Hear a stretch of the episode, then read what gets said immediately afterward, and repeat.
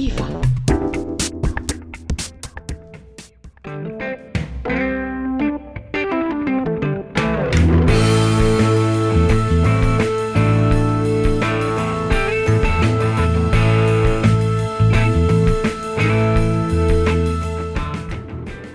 مرحبا معي أنا رئيفة بهي الفقرة الجديدة من المنقوشة يلي بعنوان قصة فنجان القهوة السوري. الجغرافيا بتتغير بالإنسان. والأحداث يلي عم نمر فيها كمان عم بتغيرنا كتير يوم بعد يوم. الإنسان السوري اللاجئ هو إنسان جديد كليا عن الإنسان السوري يلي منعرفه من قبل. وبالضرورة كل إنسان سوري اليوم عم بيعيش من اللجوء. فمو بس الملايين يلي خلاهم بشار الأسد لاجئين داخليا وخارجيا هن لاجئين حتى الناس يلي ضلت ببيوتها طالتها هي التغييرات. بس على كل حال اليوم راح أحكي عن الإنسان السوري اللاجئ بالخارج مثل ما كان بيوم من الأيام في الفلسطيني الأردني الفلسطيني السوري الفلسطيني المصري إلخ إلخ من هي التنويعات.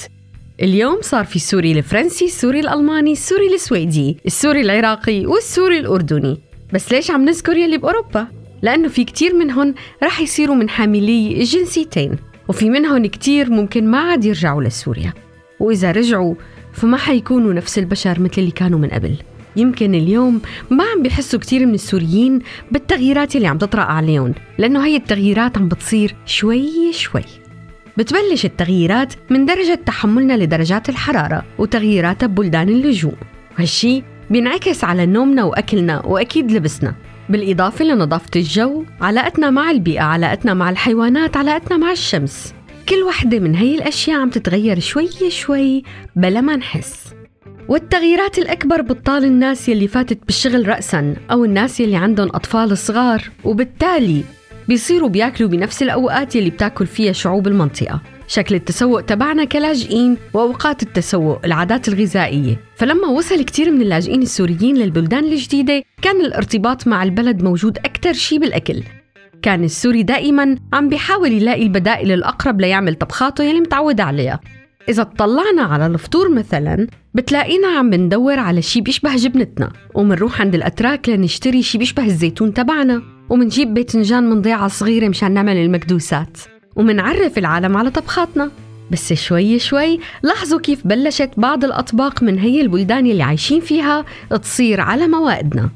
الكلمات المستخدمة للبلدان اللي عايشين فيها بتصير بتدخل بأحاديثنا اليومية شوي شوي أو منستعيرها ومنشرحها للصديق السوري المقيم بالبلد أو ببلد تاني. فمثلا باللغة الألمانية في كتير من الكلمات يلي بتلخص شغلات بتحل محلات كلماتنا وهيك بيتكون شوي شوي الإنسان السوري الجديد. هلأ طبعا بينما في سوريا اللي بيضل سوري مهما ارتحل. وما عم بيحاول يطلع من توقيت سوريا. بياكل بتوقيت سوريا بيتفرج على سوريا الفضائية ولما بيشلح تياب الشتاء بتشوف كيف تحول. هدول إذا طلعوا على الفضاء ما رح يتغيروا. يمكن البعض منكم عم بيسأل حاله إنه ليش عنوان هي الفقرة الفنجان القهوة السوري؟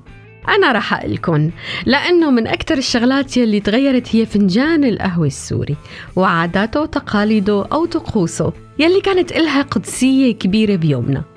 سواء الصبح قبل ما نطلع من البيت لفنجان القهوة يلي بيشربوه الموظفين بالشغل وهن عم بينموا على بقية الموظفين أو فنجان القهوة تبع الجارات.